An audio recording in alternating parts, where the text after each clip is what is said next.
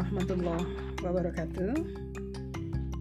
Mahasiswa Ibu pada mata kuliah metode penelitian di mana pun saudara berada Ibu sangat berharap dan mendoakan kalian semuanya. Mudah-mudahan ada dalam keadaan sehat walafiat tanpa ada satu halangan apa pun. Pada kesempatan hari ini perkuliahan dilanjutkan berkaitan dengan hakikat penelitian dalam pendidikan. Saudara bisa untuk mengawali belajar ini dengan doa. Mudah-mudahan ilmu yang Ibu berikan bisa bermanfaat buat saudara semuanya. Ini adalah materi kelanjutan berkaitan dengan penelitian khususnya untuk metode penelitian tentang pendidikan. Ya, di sini saya akan mengawali bahwa penelitian dalam pendidikan ini memiliki satu hal penting bagi pendidik, bagi siswa, bagi masyarakat, dan bagi stakeholders yang bisa untuk memanfaatkan dari hasil penelitian ini. Jadi, pentingnya penelitian dalam pendidikan ini, misalnya bagi pendidik, bagi pendidik ini akan memperoleh informasi pengetahuan yang berkaitan dengan teori-teori yang terdapat di dalamnya yang kedua, bisa untuk menambahkan alternatif solusi yang bisa ditawarkan, diambil bagi seorang pendidik. Dari pengalaman-pengalaman oleh peneliti yang dilakukan dalam penelitian itu untuk guru, untuk siswa, untuk orang tua maupun untuk masyarakat sekitar ataupun untuk perkembangan lajunya pelaksanaan pendidikan yang ada di tingkat satuan sebagaimana yang ada dalam ruang lingkup kajian penelitian itu. Maka untuk Penelitian ini bagi orang tua maupun siswa ini bisa untuk menambahkan ilmu dan pengalaman. Menjadi satu hal yang penting untuk mencari sumber-sumber yang akurat, valid, reliable. Valid itu adalah benar. Artinya karena sudah berdasarkan kajian-kajian teori yang ada, yang mapan, yang sudah bisa diakui kebenarannya, itulah valid. Nah, kalau reliable, reliable itu artinya adalah tetap. Artinya hasil-hasil penelitian yang sudah dilakukan itu memiliki kecenderungan hasil yang sama berkaitan dengan penelitian-penelitian yang dilakukan. Jadi kalau misalnya peneliti pertama melakukan penelitian tentang topik tertentu dengan hasil sebagaimana dipaparkan oleh penelitian tersebut. Yang kedua, seseorang melakukan penelitian dengan topik yang sama, oke, dengan ruang lingkup kajian yang memiliki kesamaan, tetapi setelah dilihat hasilnya memiliki kesamaan. Artinya berarti reliable sebagai gambaran bagi saudara yang dimaksudkan dengan reliable misalnya dalam evaluasi pembelajaran ya itu ada seorang siswa yang diberi soal di pagi hari. Oke di pagi hari dengan soal yang sama yang akan diujikan di siang hari. Nah di pagi hari taruhlah mendapati nilai 90. Di siang hari karena kondisi sudah berubah, situasi sudah berubah, suasana siswa secara psikologisnya sudah berubah, maka ada penurunan nilai misalnya tadi adalah 90 ini 89 ataupun 88 nah ini dalam pengertian reliable ini keberbedaan di dua angka ini dianggapnya reliable tetap kar meskipun karena dengan waktu yang berbeda karena keberbedaannya sangat tipis itu yang pertama yang kedua misalnya reliable ini diujikan pada siswa di kelompok A dalam waktu yang bersamaan, nilai rata-ratanya ada berapa? Misalnya nilai rata-ratanya ada 90, diujikan di kelas B, nilai rata-ratanya berapa? 90 juga dengan situasi dan kondisi yang sama. Waktunya sama, jamnya sama, kelasnya sama, mata pelajarannya sama. Ah, nilai rata-ratanya ternyata 90 rata-rata sama nah itulah reliable artinya alat ukur ini ada kecenderungan reliable tetap jadi meskipun diujikan kepada siapa pun itu akan menghasilkan nilai yang memiliki kecenderungan sama nah sekarang sebenarnya Bagaimana cara meneliti atau menyelidiki sesuatu dalam penelitian ini? Bagaimana cara untuk memperolehnya? Yang pertama bisa melalui pengalaman indrawi. Apa yang kita dengar, apa yang kita lihat, apa yang kita raba, apa yang kita baui. Oke.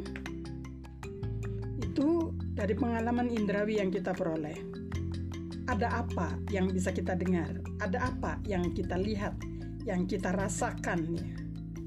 Nah, itulah kemudian dari sesuatu itu yang kita lihat, yang kita raba, yang kita dengar, yang kita bau ini sifatnya masih agak kasar.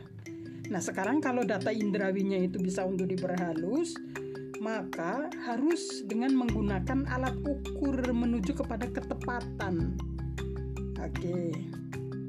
Misalnya mau mengukur tentang tes pada mata pelajaran tertentu berarti harus menggunakan apa soal soal kenapa mesti harus dianggapnya ini adalah memiliki ketepatan karena soal itu sudah disusun berdasarkan blueprint berdasarkan cetak biru berdasarkan kisi-kisi kisi-kisi itu diawali dari apa diawali dari tema ataupun subtema, terus kemudian indikator, terus kemudian deskriptor, terus kemudian baru jenis soalnya, berapa jumlahnya, bagaimana soalnya.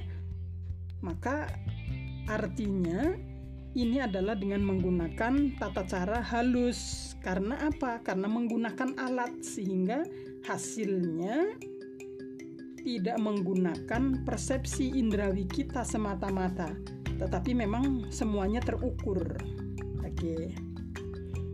Mengapa demikian? Karena kita akan mengatakan bahwa yang kita dengar itu adalah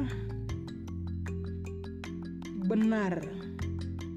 Tetapi kebenaran bagi seseorang dengan benar bagi orang lain belum tentu sama. Yang dilihat seseorang dengan yang dilihat seseorang yang lain ada merasakan berbeda. Yang diraba oleh seseorang dengan seseorang yang lain itu akan berbeda. Ini adalah sifatnya masih kasar, maka harus diperhalus. Cara untuk menghaluskannya itu berarti menghilangkan persepsi indrawi yang kita miliki Terus kemudian dengan menggunakan apa? Dengan menggunakan alat. Sehingga dengan demikian validitas apa yang kita rasakan, apa yang kita raba, apa yang kita lihat, kita dengar mendekati kepada kebenaran yang sesungguhnya. Nah, sumber yang kedua bertanya kepada orang lain. Apa yang kita lihat dari persepsi indrawinya kan tidak selamanya tepat. Belum tentu yang kita lihat itu sama persis dengan apa yang dirasakan oleh orang lain yang sedang melakukan, yang sedang dalam merasakan pengalaman yang dimiliki itu berkaitan dengan topik yang sedang diteliti. Nah, berarti perlu untuk bertanya kepada orang lain bagaimana rasanya sehingga kita bisa untuk memastikan sesuatu itu menjadi satu sumber untuk memberikan data yang benar. Kemudian kepada siapa lagi kita akan mendapati informasi? Pada pendapat ahli. Nah, pendapat ahli pasti karena memang ini yang disebut sebagai pendapat ahli berarti keahliannya itu apakah teoretis, uh, formal ataupun praksis non formal. Artinya kalau uh, teoretis formal itu berarti dia memiliki sertifikasi yang berkaitan dengan uh, derajat ataupun pangkat kependidikannya, tingkat kependidikannya. Jadi misalnya kita bertanya berkaitan dengan pendidikan Islam, otomatis berarti kita bertanya kepada ahli yang berkaitan dengan keahlian yang dimiliki oleh seseorang itu terhadap pendidikan Islam. Artinya kita berbicara tentang pendidikan Islam bertanyanya kepada orang ahli pendidikan bukan bertanya di luar itu. Misalnya kepada ekonom kepada politikus tentu saja berbeda. Oke. Nah meskipun demikian juga terkadang teori-teori yang dimiliki oleh ahli tertentu dalam hal ini adalah pendidikan Islam pada seseorang yang satu dengan seseorang yang lain juga terkadang berbeda. Nah, ini kita bisa memainkan pada logika akademik yang kita miliki. Artinya apa? Artinya kebenaran rasio yang kita miliki, miliki, logika yang kita miliki. Kita mampu untuk menjangkau ke sana. Mana yang benar? Antara teori yang satu dengan teori yang lain. Oke, saudara akan mengatakan bahwa teori A benar, teori B juga benar, tetapi ada sisi kelemahannya. Ah, itu berarti ada logika-logika yang saudara miliki berkaitan dengan logika akademiknya untuk bisa menentukan posisi saudara ada di mana.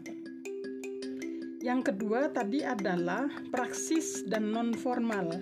Jadi siapa yang dimaksudkan dengan ahli?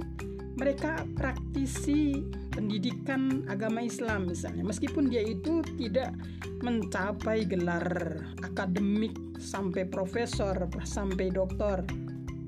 Dia cukup S1 tetapi dia memiliki pengalaman praktik sebagai seorang widya iswara sebagai seorang narasumber nasional misalnya regional. Yang berarti dia itu memiliki secara teori dan praktik yang memadai atau misalnya di perbengkelan berarti dia sudah uh, malang melintang gitu di dunia praktik terhadap perbengkelan. Nah, itu bisa dikatakan sebagai seorang yang memiliki keahlian teknis. Oke ya.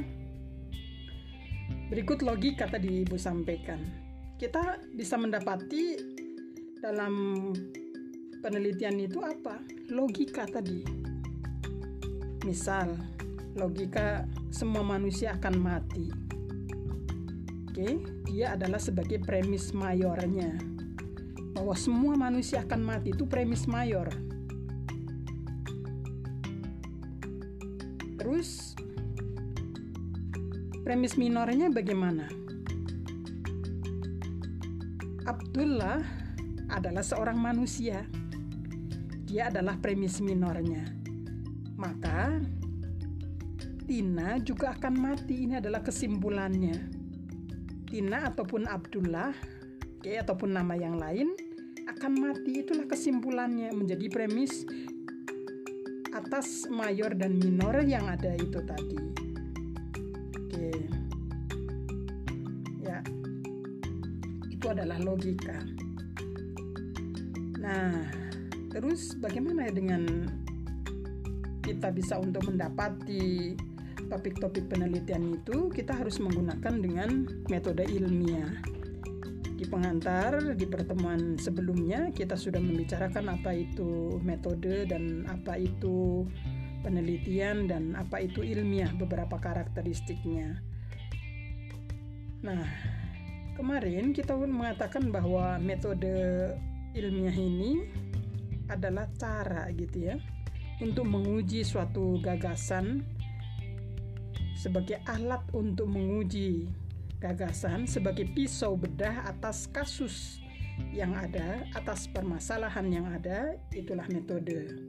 Nah, kita dihadirkan pada sesuatu yang ilmiah dengan karakteristik ataupun ciri-ciri yang sudah Ibu sampaikan beberapa hari yang lalu. Nah, untuk mengawali dari pelaksanaan bahwa ini perlu untuk dilakukan penelitian, saudara harus melakukan apa? Identifikasi masalah. Identifikasi. Apa itu identifikasinya? Dicatat beberapa kesenjangan antara nilai-nilai idealitas dengan nilai-nilai realitas ataupun antara harapan dan kenyataan. Misalnya, nilai idealitasnya seseorang mahasiswa bisa untuk mendapati beasiswa bidik misi dengan ketentuan-ketentuan dari A sampai dengan Z. Ketentuannya tuh banyak banget, detil banget. Itu adalah nilai idealitasnya. Misal dalam kategori ini, dalam besarannya mahasiswa yang dimaksudkan memiliki hak mendapatkan beasiswa bidik misi adalah mereka yang memiliki IP kumulatif ataupun hasil belajar, hasil perkuliahannya yang sangat bagus. Yang kedua, yang ada dalam nilai-nilai idealitas dalam ketentuan dari A sampai Z itu yang kedua adalah mereka yang secara ekonomi orang tuanya itu tidak beruntung. Jadi dua hal ini dari ketentuan indikator-indikator A sampai Z tadi. Nah, kita lihat ini adalah nilai idealitas. Nah, sekarang kita bergeser menuju ke nilai realitas nilai realitasnya ternyata yang menerima beasiswa bidik misi itu dalam kenyataan kita bisa untuk melihat mereka IP kumulatifnya masih kalah dengan seseorang yang lain dalam kelompoknya. Terus yang kedua, mereka yang menerima beasiswa bidik misi itu ternyata masih ada yang lebih tidak beruntung secara ekonomi dari orang tuanya. Nah, berarti ini ada sesuatu. Karena ketentuannya itu mereka yang memiliki mereka yang memiliki indeks prestasi yang tertinggi dan yang kedua dia ketidakberuntungan secara ekonomi yang paling bawah dengan penetapannya itu dan ternyata yang terjadi mereka yang menerima adalah mereka yang sebaliknya. Maka ini berarti ada sesuatu, ada gap. Nilai-nilai idealitas dan nilai realitas itu menjadi berbeda. Nah, maka ini harus dicari. Ini yang disebut sebagai identifikasi masalah. Ada penyakit apa? Ada sesuatu yang menggelitik apa? Ada yang unik apa? Ada yang ingin saudara ketahui lebih lanjut ini ada apa? Oke, ada nilai curiosity, ada rasa ingin tahu apa yang terjadi. Oke, nah itulah yang kemudian untuk mengawali langkah saudara di dalam melaksanakan penelitian. Nah, setelah identifikasi masalah sudah ditemukan, saudara harus membuat definisi masalahnya harus tepat, terarah, sehingga menjadi jelas. Bagaimana caranya? ya didefinisikan di masalah itu masalah yang saudara tanyakan itu penyakitnya tadi itu apa saja baru kemudian saudara akan menemukan hipotesis. Apa itu hipotesis? Hipotesis adalah hypo, adalah rendah. Tesis adalah kebenaran. Artinya berarti kebenaran yang masih rendah. Karena kebenaran ini masih rendah, maka harus diuji. Harus diukur lebih lanjut, harus diteliti lebih lanjut melalui penelitian. Sehingga dugaan sementara atas hipotesis itu bisa kejawab dalam penelitiannya saudara. Dan perlu disampaikan bahwa tidak semua penelitian itu memiliki hipotesis, tidak memiliki hipotesis. Karena ada jenis penelitian yang tidak menggunakan hipotesis. Contohnya adalah penelitian kualitatif maka, untuk bisa menghadirkan sebuah permasalahan di dalam penelitian itu, dimunculkan pertanyaan penelitian. Oke, nah kemudian baru akan memproyeksikan akibat konsekuensi yang dimiliki dari penelitian ini apa nanti karena dalam menguji hipotesis ini nanti kita akan merancang percobaan akan mempersiapkan prosedur karena ada dugaan tadi, ada dugaan sementara sehingga harus diuji cobakan dulu. Dipersiapkan prosedurnya untuk bisa mendapati data tentang itu. Dikendalikan kondisinya, artinya berarti saudara tidak akan mencampur adukan antara kondisi sesuatu dengan kondisi yang lain dikendalikan. Memperhitungkan kemungkinan yang terjadi dengan nilai-nilai penelitian yang saudara miliki. Oke. Itu adalah awal dari melaksanakan sebuah penelitian. Nah, untuk bisa saudara mengantarkan pada posisi saudara sendiri, saya ini mau melakukan penelitian ini, bagaimana saya harus memposisikannya? Maka kita akan mencoba untuk uh, menyampaikan beberapa jenis penelitian pendidikan. Yang pertama adalah penelitian eksperimental. Yang kedua, penelitian korelasional.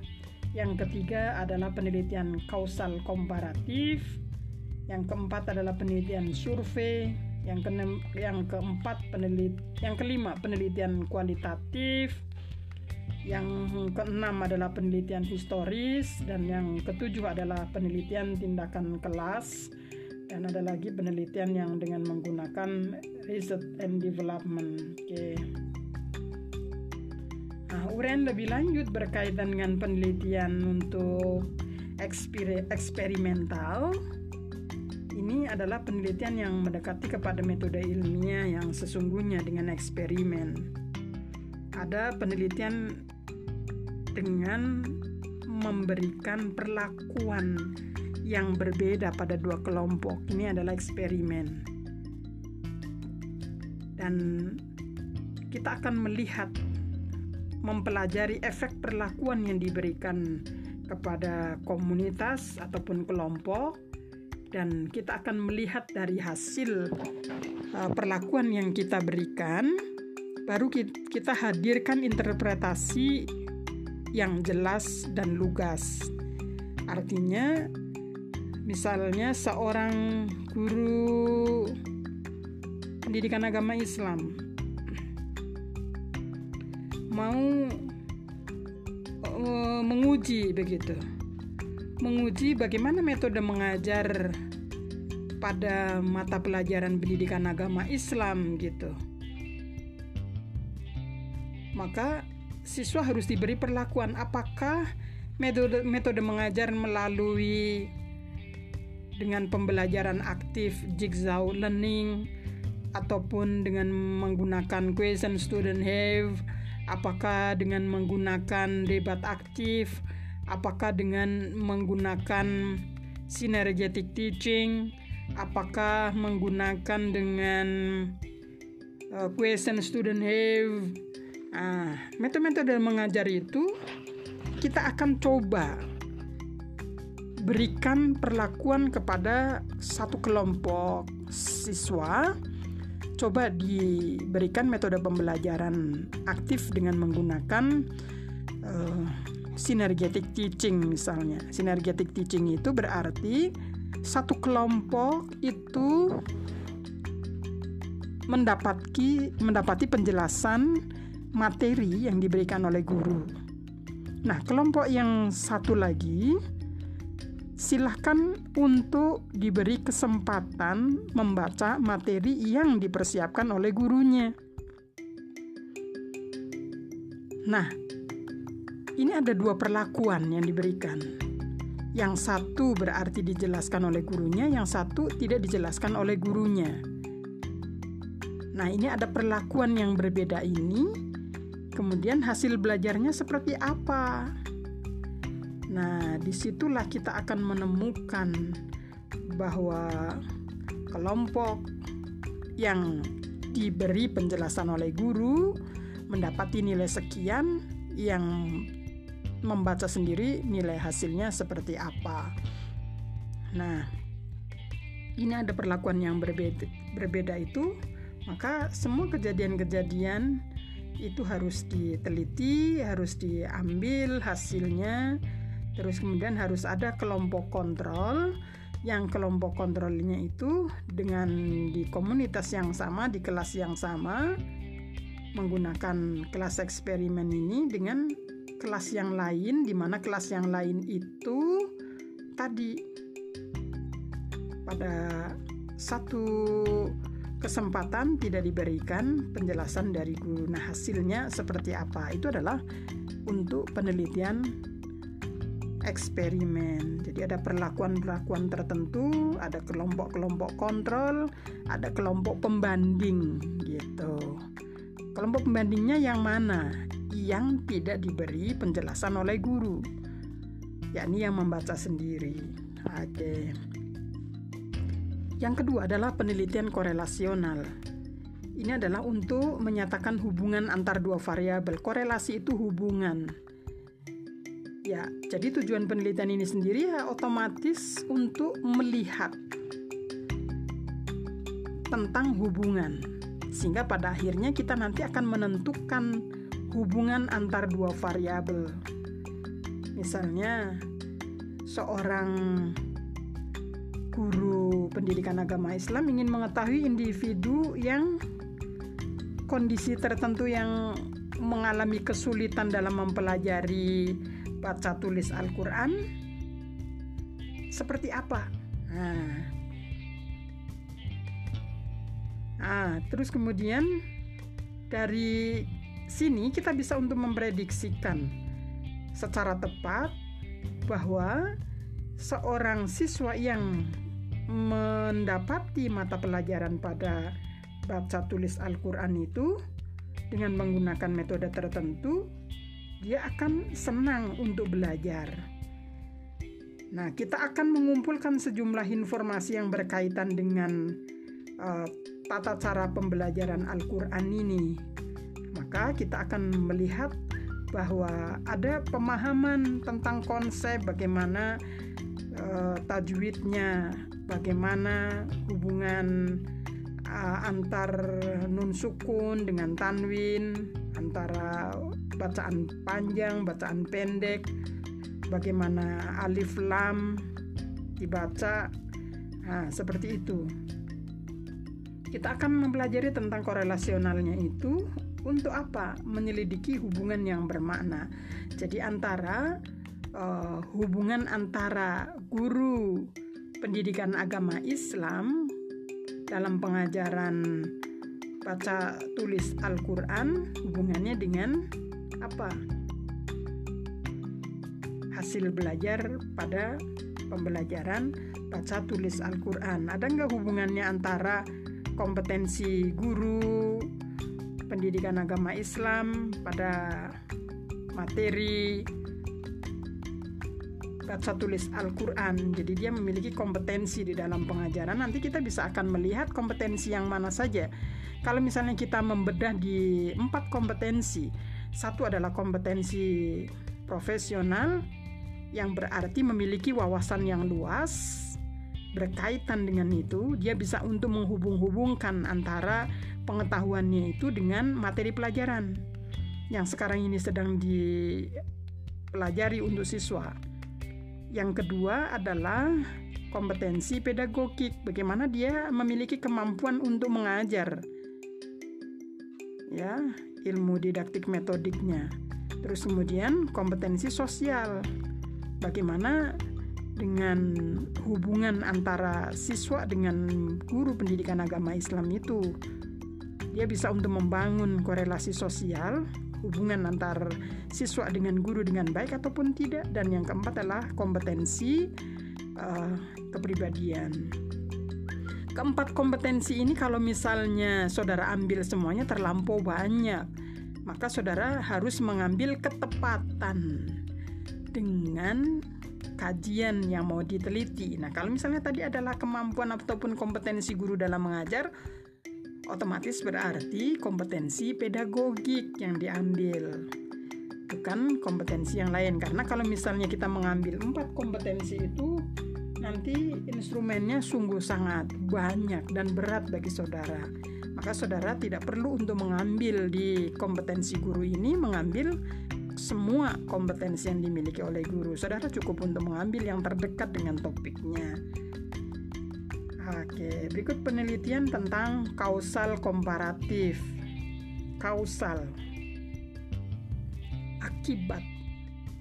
Jadi kausal komparatif itu berarti akibat dari perbedaan di antara kelompok ataupun orang-orang yang ada dalam ruang lingkup kajian. Misalnya, guru ingin membandingkan apakah hasil belajar siswa dari keluarga dengan orang tua tunggal, oke, okay, single parent, lebih buruk daripada siswa yang memiliki keluarga yang utuh. Ada bapak, ada ibu, gitu. Nah, untuk menyelidiki hal ini, guru harus memilih secara sistematis dua kelompok siswa. yakni apa coba? Ya orang tua tunggal dan orang tua yang utuh.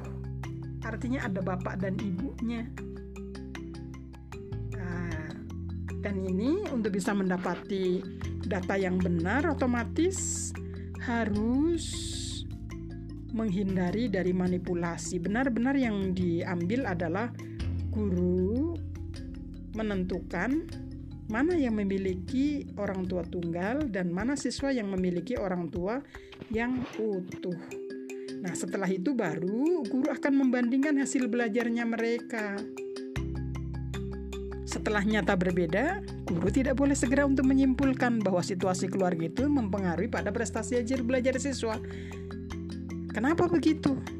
Tunggu dulu karena kita masih ada melihat variabel-variabel lain yang akan memengaruhi pada hasil belajar siswa. Karena pada saat siswa diuji ada Misalnya waktu tentang waktu pagi hari akan berbeda dengan siang hari. Oke. Ada apa lagi?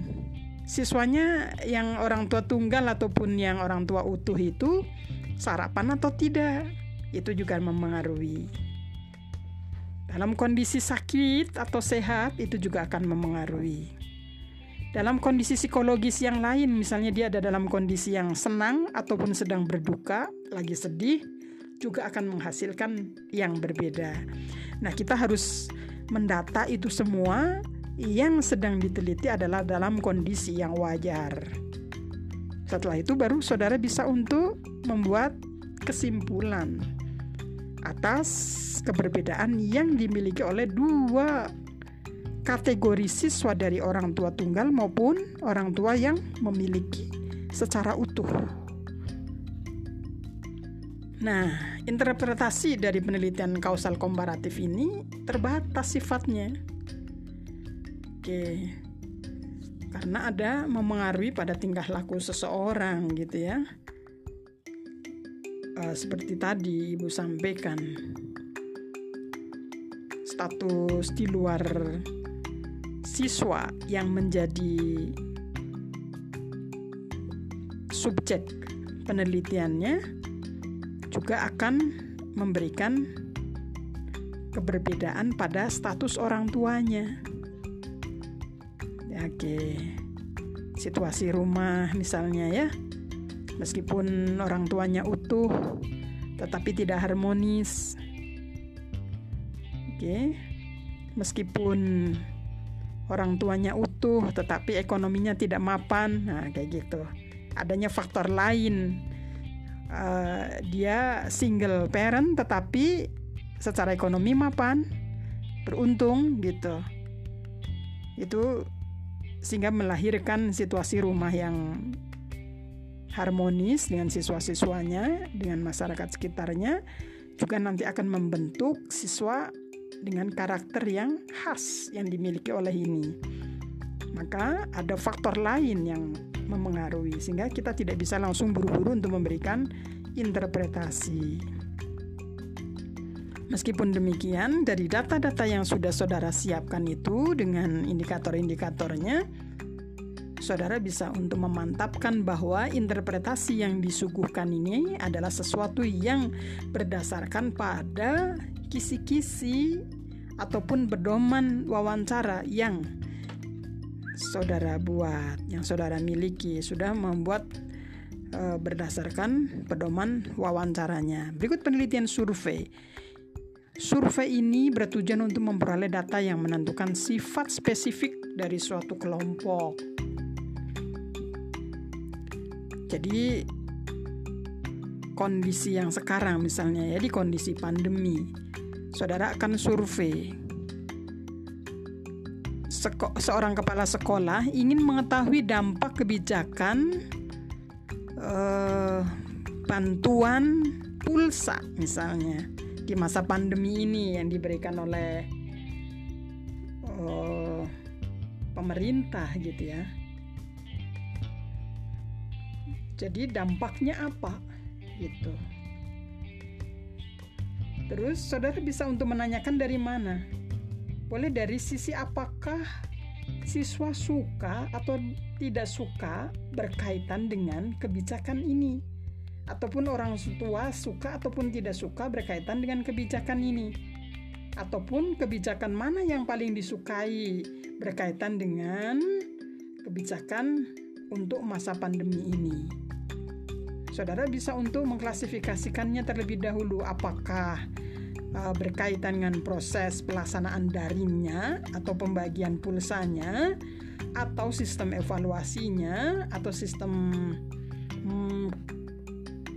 konten materinya nah, silahkan saudara tentukan dulu baru saudara akan mensurvei untuk ini dikemas dalam bentuk kuesioner ataupun angket uh, dalam jumlah yang besar biasanya kalau survei ini.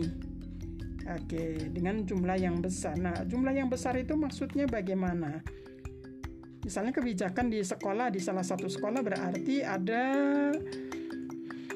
misal di kelas besar tidak paralel gitu di MI SD ada 6 kelas kali 25 misalnya Oke.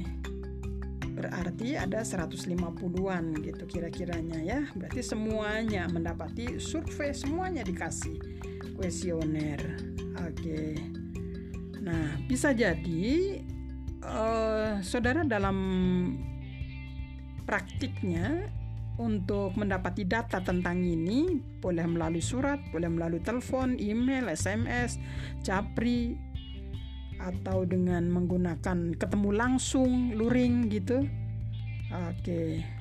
Nah, kalau bisa ini saudara bis, bisa dengan luring saudara bisa untuk melakukan wawancara kemudian jawabannya bisa untuk ditabulasi itu seperti saat survei ini uh, ekonomi dan kependudukan gitu ya jadi ditemui secara langsung di checklist checklist anaknya berapa prestasinya eh mata sekolahnya di mana seperti itu terus gitu sampai akhirnya menjurus kepada topik yang sedang saudara teliti. Oke. Okay? Nah, dalam penelitian survei ini ada kesulitannya. Yang pertama ada keraguan terhadap jawaban yang diberikan. Ketakutan ya bahwa ini diberikan tidak jujur ataupun asal-asalan apalagi kalau misalnya untuk instrumennya itu dikirim kita tidak tahu gitu kesungguhan di dalam mengerjakannya kemudian kalau misalnya dikirim juga pengembalian kuesionernya juga kadang tidak lengkap gitu. Sehingga karena ketidaklengkapan itu bisa jadi mendorong kepada pembuatan kesimpulan ataupun interpretasi yang tidak tepat sesuai dengan kondisi yang sesungguhnya. Nah, penelitian ini juga memiliki manfaat. Bisa untuk mendapati apa? Informasi dalam sampel yang besar dan kemudian ini dari survei ini bisa dijadikan sebagai pangkalan data ini ada manfaat lainnya artinya seorang peneliti yang lain bisa untuk mengambil manfaat dari survei ini sehingga untuk dikaji lebih lanjut jadi membuka peluang kepada peneliti-peneliti yang lain dengan topik-topik topik-topik yang berbeda tetapi dari data yang sama. Nah, ini manfaatnya. Jika peneliti mengharapkan jawaban yang lebih rinci untuk survei ini bisa dengan wawancara. Ah, karena memang saudara berkeinginan untuk mendapati keterangan yang lebih konkret lebih jelas, lebih detail, saudara bisa untuk membuat pertanyaannya dengan wawancara itu adalah wawancara yang terbuka. Apa yang dimaksud dengan wawancara terbuka? Artinya informan bisa untuk mengemukakan apa yang dialami oleh dirinya. Jadi dia bisa untuk menjelaskan lebih detail gitu. Dia bisa bercerita panjang. Nah kita bisa mengambil titik poinnya dari apa yang disampaikan. Kita itu yang dimaksud adalah siapa? Adalah peneliti. Peneliti bisa untuk mengambil dari apa yang diungkapkan oleh informan tadi. Kalau pertanyaannya itu tertutup kalau yang dimaksud dengan pertanyaan tertutup itu berarti jawabannya adalah iya tidak. Ah gitu saja selesai. Tapi kalau untuk wawancara terbuka berarti apa? Saudara hanya memegang pedoman wawancara saja. Terus kemudian nanti pertanyaannya akan mengalir. Otomatis informan akan menyampaikannya dengan bebas dari sisi mana yang dia ingin sampaikan berkaitan dengan uh, pertanyaan yang diberikan oleh peneliti ada penelitian dengan kualitatif. Nah, penelitian kualitatif ini untuk memperoleh potret lengkap dari proses yang sedang dilakukan secara holistik. Holistik itu artinya secara keseluruhan dengan menggunakan satu setting-setting khusus gitu. Artinya kalau penelitian kualitatif ini adalah penelitian yang menekankan pada potret kehidupan seseorang sebuah proses gitu sehingga ciri khas dari pertanyaan pada penelitian kualitatif itu sering kali memunculkan kata bagaimana karena di penelitian kualitatif itu adalah penelitian proses oke okay. okay, penelitian proses contoh uh, untuk jenis ini adalah penelitian etnografi. Ini bisa untuk melalui observasi, melalui wawancara, dan terus apa? Kita bisa untuk meneliti ini dalam uh, kondisi siswa secara penuh. Jadi perilakunya seperti apa? Jadi lebih rinci begitu ya saudara bisa untuk melihat sebuah perilaku, gambaran hidupnya, dalam kesehariannya. Nah, itu dipotret. Bagaimana suasana sosialnya, bagaimana pengalaman intelektualnya, bagaimana emosionalnya. Oke. Apa yang bisa kita munculkan di sini dalam penelitian kualitatif ini adalah data yang detail terhadap apa terhadap subjek penelitian itu. Berikut untuk penelitian sejarah. Penelitian ini berkaitan dengan aspek yang terjadi di masa yang lampau, tentu saja namanya sejarah ya. Jadi bisa diteliti dengan dokumen, dengan wawancara eh, yang hidup pada masa itu, sehingga bisa untuk memperkuat tentang sejarah yang dimunculkan dalam dokumen-dokumen resmi dengan penelitian-penelitian yang pernah dilakukan sebelumnya sebagai bagian dari kajian sejarah dan juga bisa untuk wawancara dengan orang yang hidup pada masa itu yang memiliki kedekatan dengan topiknya. Maksudnya topiknya apa? Topik penelitiannya saudara. Oke, untuk menjelaskan tentang apa? Ya tentang topiknya secara spesifik gitu. Terus kemudian dari situ kita bisa untuk mendapati kategori-kategori. Misalnya tentang penelitian eh, konsep-konsep pendidikan Islam pada masa pra kemerdekaan seperti apa pendidikan Islam kondisinya pasca kemerdekaan seperti apa kondisi pendidikan Islam sehingga berkembang pada masa masa hmm, reformasi ini misalnya begitu. Nah, kemudian untuk penelitian tindakan kelas. Penelitian tindakan kelas ini sering kali digunakan oleh mahasiswa ya. Ini bersifat situasional. Untuk apa? Mendiagnosa masalah dalam konteks tertentu. Jadi biasanya untuk penelitian tindakan kelas ini adalah untuk mengukur tentang kondisi di kelas. Baik itu kita akan mengukur tentang medianya, metodenya, proses pembelajarannya, penilaiannya.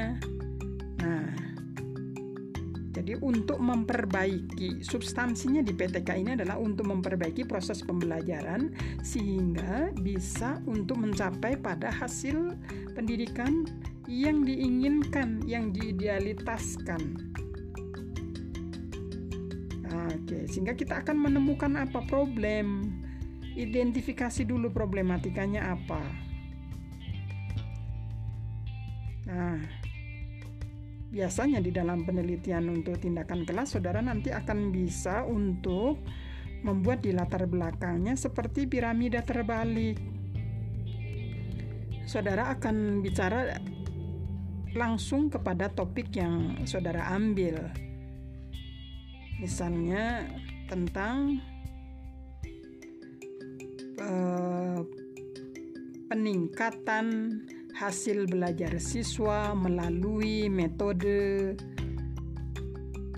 uh, synergetic teaching misalnya kayak gitu ya dalam ter terhadap hasil belajar siswa. Misalnya kayak gitu pada mata pelajaran X subtema Y kayak gitu ya pada siswa kelas berapa di mana tahun berapa nah, kayak gitu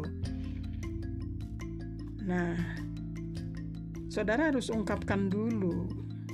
Kalau misalnya yang tadi adalah dengan metode pembelajaran, berarti saudara harus uh, entry pointnya mulai masuknya adalah di metode pembelajaran yang saudara mau teliti itu. Bagaimana metode memiliki tugas, memiliki peran untuk meningkatkan hasil belajar. Bagaimana metode pembelajaran itu memiliki dampak memiliki pengaruh terhadap hasil belajar siswa. Nah, saudara harus ungkapkan itu di awal. Harus ada teori yang mengatakan pada topik yang saudara ambil. Misalnya tadi adalah dengan menggunakan apa? Synergetic teaching misalnya. Nah, synergetic teaching terhadap hasil belajar itu seperti apa sebagaimana penelitian terdahulu mengatakannya, menyimpulkannya, ataupun ada pakar ataupun ahli yang menuliskan dalam buku bahwa metode sinergetic teaching ini dapat meningkatkan hasil belajar. Itu adalah kunci. Di latar belakang harus melekat di sana. Nah, setelah itu saudara harus jelaskan apa itu sinergetic teaching. Oke. Dari identifikasi masalah yang sudah saudara amati sebelumnya. Oh, penggunaan metode ataupun pembelajaran aktif sebelumnya adalah dengan sekadar tanya jawab misalnya, diskusi misalnya. Tetapi ini tidak bisa untuk meningkatkan hasil belajar. Jadi itu penyakitnya. Penyakitnya adalah belum bisa untuk meningkatkan hasil belajar. Itu ada penyakit dengan metode pembelajaran yang seperti itu tadi yang membosankan bagi siswa sehingga siswa sudah merasa itu adalah hal yang lama, sudah pernah dialaminya, sudah pernah dilakukannya, tidak ada bisa untuk menghadirkan keingintahuan yang tinggi sehingga uh, gairah belajar menjadi berkurang, motivasi belajarnya menjadi berkurang. Nah, ini dihadirkan yang dianggap sebagai obat. Ini tadi kan penyakit nih. Yang siswa ini tidak bisa untuk meningkatkan hasil belajar. Ini penyakit. Penyakitnya apa? Siswanya tadi melakukan kegiatan di luar rencana pembelajaran. Misalnya siswanya lari-lari, siswanya uh, berbicara sendiri, ya berdiskusi sendiri di luar yang ditargetkan dalam proses pembelajaran. Hasil belajarnya rendah. Guru karena memang siswanya begitu sehingga menjadi malas gitu untuk memberikan proses pembelajaran yang lebih baik karena ini ada sebab akibat gitu ya. Jadi aliran energi yang diberikan oleh guru kepada siswa akan dirasakan oleh siswa. Demikian juga sebaliknya, aliran energi yang diberikan oleh siswa yang malas-malas juga terkadang memengaruhi pada guru. Sehingga itulah dua hal yang memang saling pengaruh memengaruhi. Nah, ini ada penyakit di situ. Maka karena tadi disarankan bahwa sinergetic teaching ini bisa untuk meningkatkan hasil belajar, maka inilah obatnya. Nah, inilah obatnya. Nah, berdasarkan referensi obat yang digunakan ini tepat. Karena apa? Ada ada penelitian terdahulu, ada ahli yang mengatakan bahwa sinergetic teaching dapat meningkatkan hasil belajar siswa pada mata pelajaran mata pelajaran bla bla bla bla. Kelas berapa? Kayak gitu subtema apa? Nah kayak gitu inilah obatnya. Nah, sekarang kita mau uji benar tidak untuk sinergetic teaching ini benar-benar dapat meningkatkan hasil belajar. Maka obat yang disarankan oleh dokter dengan menggunakan ini kira-kira gitu ya untuk analognya obat yang disarankan oleh dokter ini dengan menggunakan ini ini ini ini oke dengan sinergetic teaching benar atau tidak akan kita uji dengan menggunakan PTK. Nah, begitu. Obat herbal misalnya, obat herbal yang disarankan untuk penyakit X adalah dengan cara ini, ini, ini. Nah, coba kita mau uji. Benar atau tidak dengan menggunakan PTK, dengan penelitian tindakan kelas. Saudara harus mengawali dulu. Penelitian tindakan kelas itu apa substansinya? Kemudian yang kedua, harapannya dari penelitian PTK ini apa sehingga identifikasi masalah tadi yang sudah saudara tuliskan penyakitnya tadi ini bisa disembuhkan oleh sinergetic teaching melalui PTK. Nah begitu saudara akan menyampaikannya ya. Oke. Nah di sinilah kemudian tindakan kelas sebagai sebuah penelitian kolaboratif ini antara guru dan siswa ini bersifat self evaluatif artinya modifikasi praksis yang dilakukan secara terus-menerus dan dievaluasi dalam situasi yang terus berjalan di dalam proses memperbaiki praksisnya pembelajaran uh, yang saudara teliti itu. Oke. Saya kira untuk pembelajaran kali ini melalui perkuliahan pada kesempatan hari ini Ibu cukupkan. Terima kasih atas perhatiannya. Saudara bisa untuk mempelajarinya, mendengarkan, bisa memanfaatkannya untuk secara berulang. Untuk mendengarkannya, biar saudara menemukan kefahaman sehingga dapat digunakan dalam penelitian untuk penyusunan skripsi saudara. Oke, selamat belajar, selamat beraktivitas. Semoga Anda semuanya ada dalam lindungan Allah Subhanahu wa taala. Amin ya rabbal alamin. Assalamualaikum warahmatullahi wabarakatuh.